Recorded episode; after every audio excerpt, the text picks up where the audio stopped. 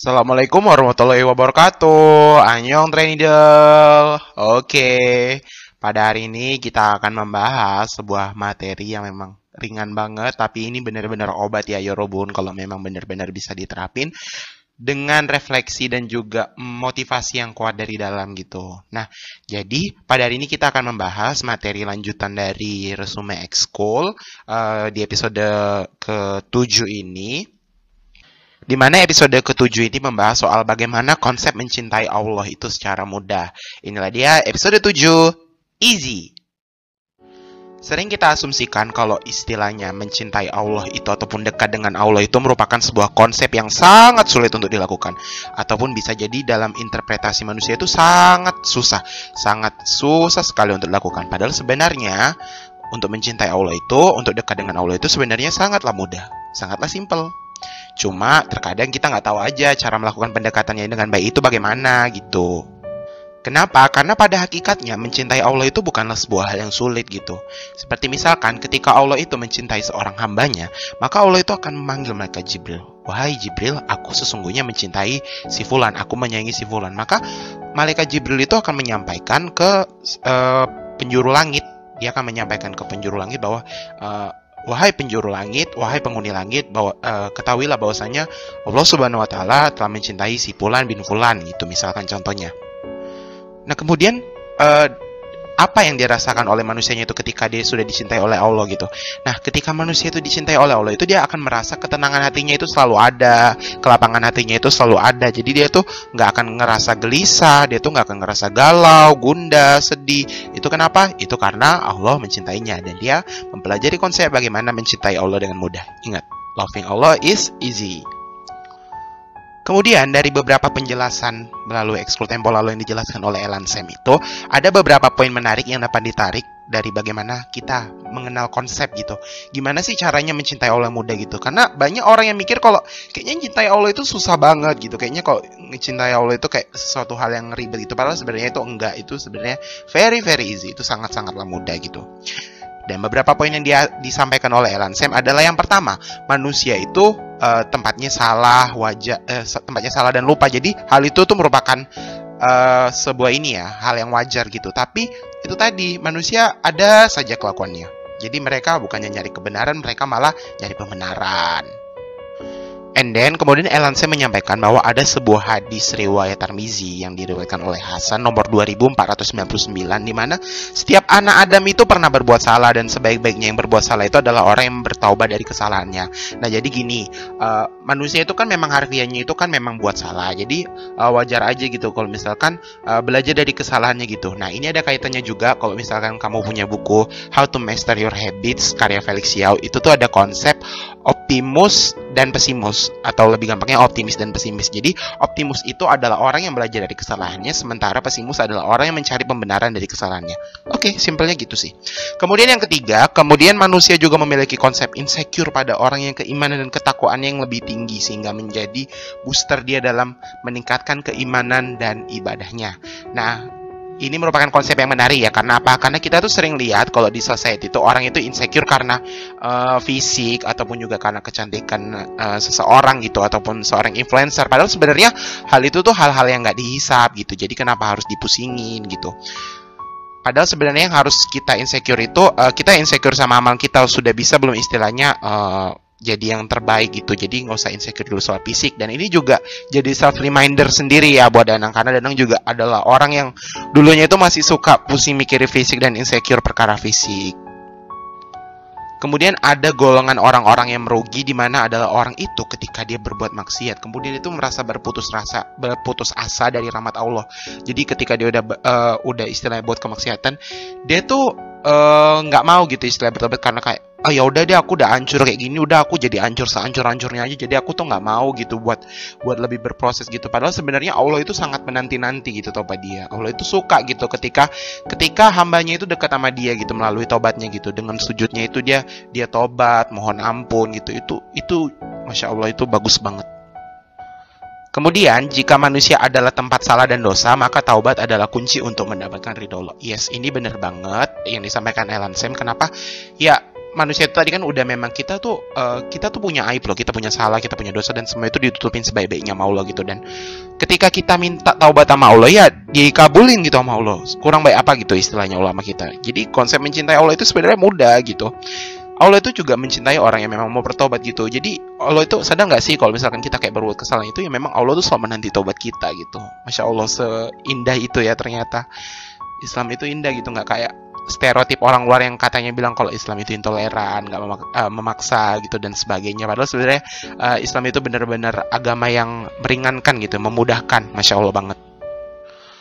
Kemudian poin selanjutnya, Allah itu juga memberikan manusia ujian dan cobaan agar mereka itu mau mengingat Allah. Tapi terkadang manusia itu yang suka kufur dengan nikmatnya. Jadi gini, misalkan kamu kayak uh, punya kekayaan lebih ataupun punya materi lebih, itu uh, cenderung uh, gimana ya? Uh, susah buat lebih memanage gitu. Karena uh, harta itu kan titipan dari Allah semua itu kan dari Allah dan otomatis kalau misalkan Allah mau ambil itu ya udah itu terserah Allah. Jangan nanti kalau misalkan diambil misalnya entah kayak uh, kejambret atau kecopetan gitu terus kita kayak stres kayak ya Allah kok diambil ini barang-barang aku? Ya Allah ini kenapa kok diambil? Kenapa kamu kasih aku jangan kayak gini? Ya karena itu tadi ada juga ya memang dalilnya gitu. Uh, bahwasanya Allah itu nggak pernah menguji manusia itu di luar dari batas batas mampu dia. Dan bersyukurlah gitu kalau misalkan kita masih dikasih ujian sama Allah itu tandanya Allah masih sayang sama kita. Allah itu kasih kita ujian supaya kita tuh selalu ngingat Allah gitu supaya kita tuh bisa mempertahankan konsep bagaimana mencintai dengan benar gitu. Konsep easy for love-nya itu dan untuk siapa pun yang ingin bertobat, ini dijelaskan dalam Quran Surah Al-Furqan ayat 70, di mana Allah itu mengganti dosa dengan pahala. Allah juga memberikan kesempatan manusia untuk memperbaiki diri dan kemudian bertobat, kembali kepadanya dan beriman lagi kepadanya sebesar apa pun dosanya.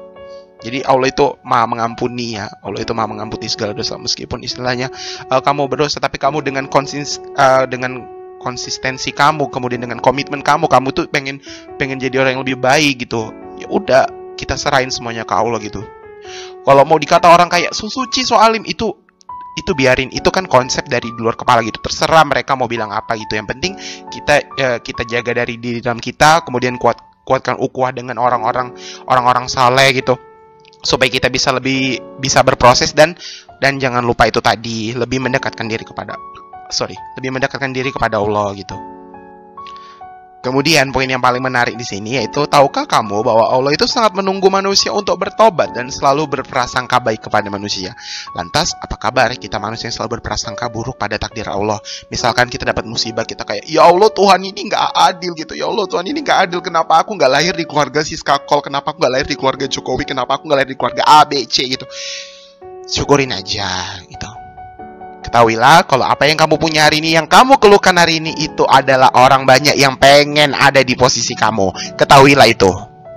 Kemudian poin kisah yang dikutip dari Elan Sam pada episode Easy ini adalah kisah An-Najwa, yaitu kisah pembicaraan rahasia Allah dengan hambanya di hari kiamat. Di mana kisah An-Najwa ini sebagaimana dijelaskan dalam surah Al-Haqqah ayat 18 yang artinya pada hari itu kamu dihadapkan kepada Tuhanmu, tiada sesuatu pun dari keadaanmu yang tersembunyi bagi Allah.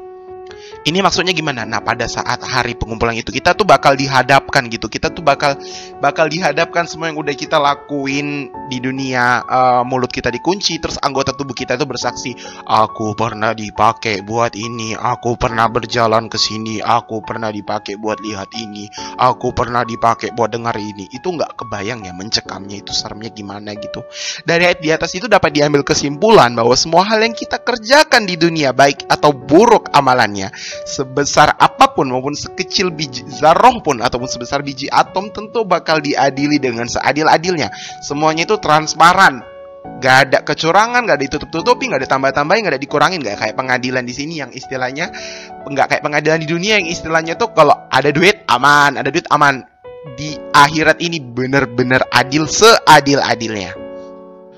Kemudian orang-orang yang beriman itu akan dihadapkan padanya sebuah situasi di mana kemudian Allah bertanya padanya mengenai aib dan dosanya yang hanya dirinya dan Allah yang tahu yang dia kerjakan di masa lalu ketika dia masih hidup di dunia gitu.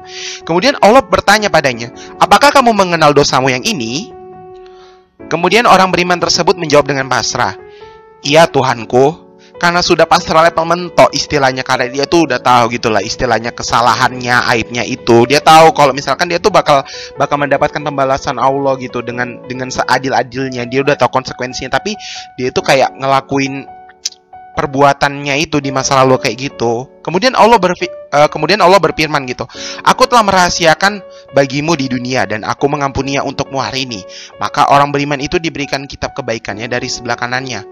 Kemudian diketahuilah bahwa orang kafir dan munafik adalah orang-orang yang mendustakan Tuhan mereka. Maka laknat oleh Allah untuk orang-orang yang zalim gitu. Nah, itu tadi karena dia udah tahu lah istilahnya aib itu cuma dia sama Allah yang tahu gitu misalkan tapi karena dia menutup aibnya itu rapat-rapat Allah itu juga nutup aibnya rapat-rapat gitu kurang baik apa coba Allah sama kita udah ditutup semua aib kita rapat-rapat dan itu dirahasiakan sama kita gitu Kemudian hal ini juga dibuktikan dalam surah Al-Haqqah ayat 19 yang artinya, Adapun orang-orang yang diberikan kepadanya kitabnya dari sebelah kanannya, maka dia berkata, Ambillah, bacalah kitabku ini.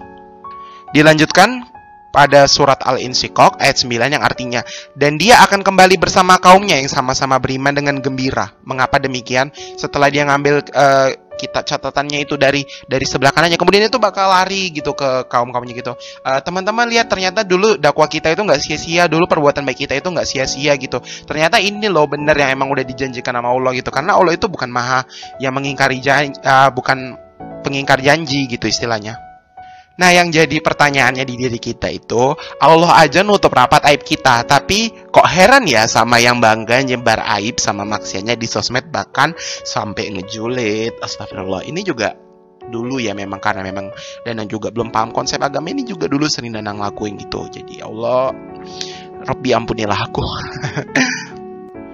Kemudian bagaimana dengan nasib orang munafik dan kafir? Tentu saja akan dihadapkan mereka tempat berpulang mereka yang pantas yaitu neraka gitu. Karena apa mereka tuh selama di dunia itu ya mereka cuma melakukan kebaikan itu untuk semata-mata dipuji gitu kok.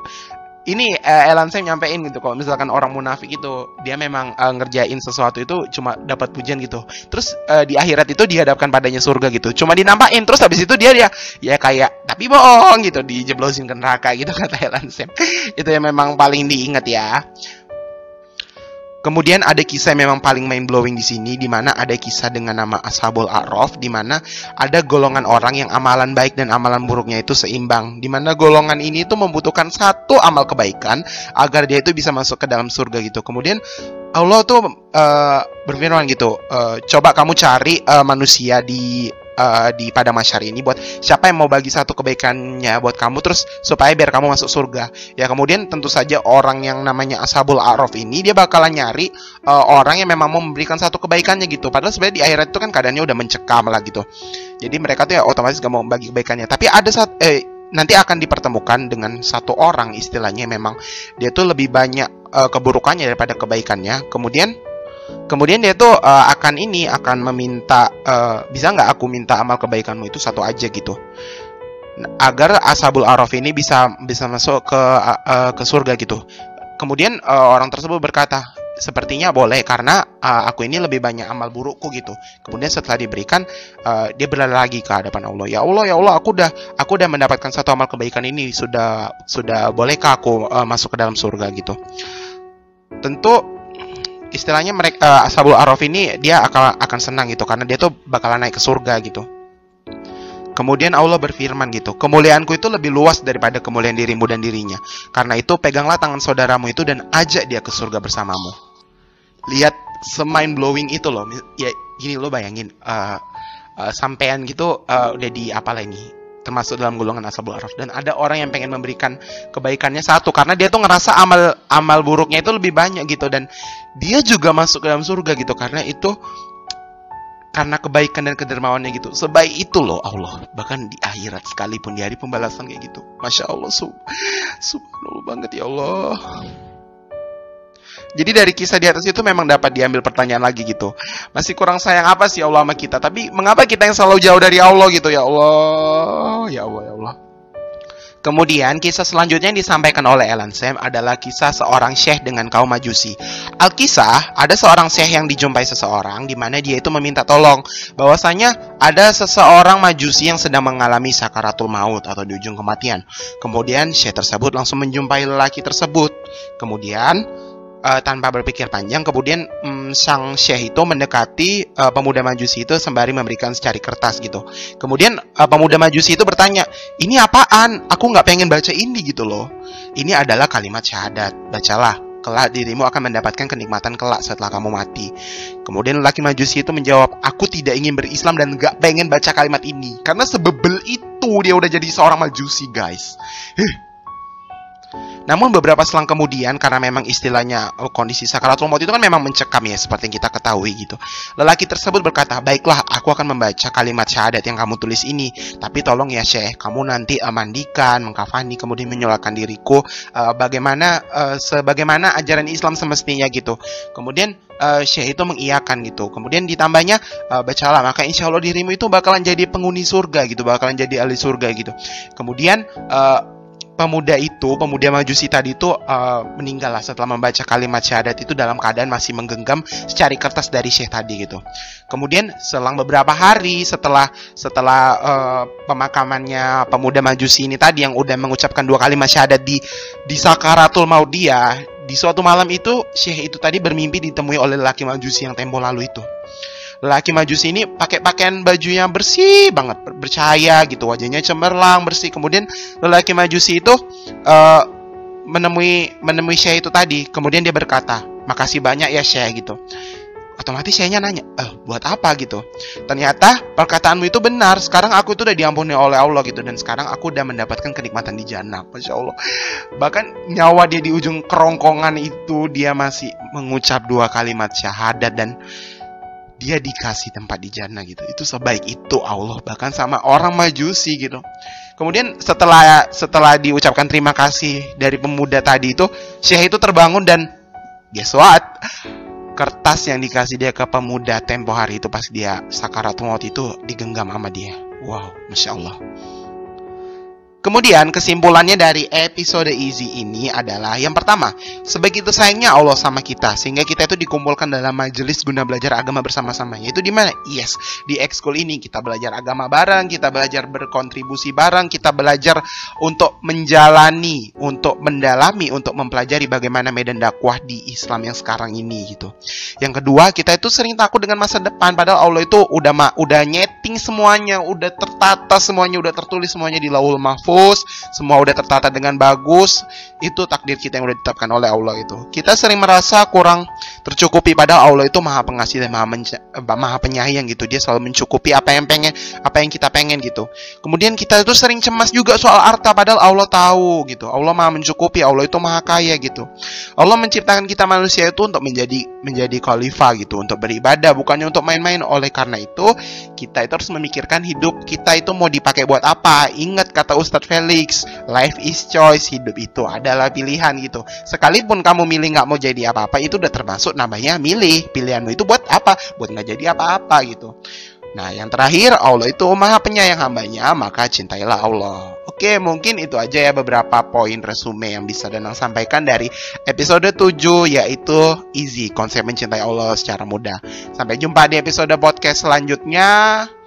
Semoga kalian sehat selalu. Jangan lupa patuhi protokol kesehatan, jaga pikiran, jaga hati, jaga mata, dan jangan lupa bahagia selalu ya. Ingat Allah itu dekat, cuma kadang kita yang suka jauh dari Allah. Oke, terima kasih. Aku dan Arya semua pamit undur diri. Assalamualaikum warahmatullahi wabarakatuh. Annyeong.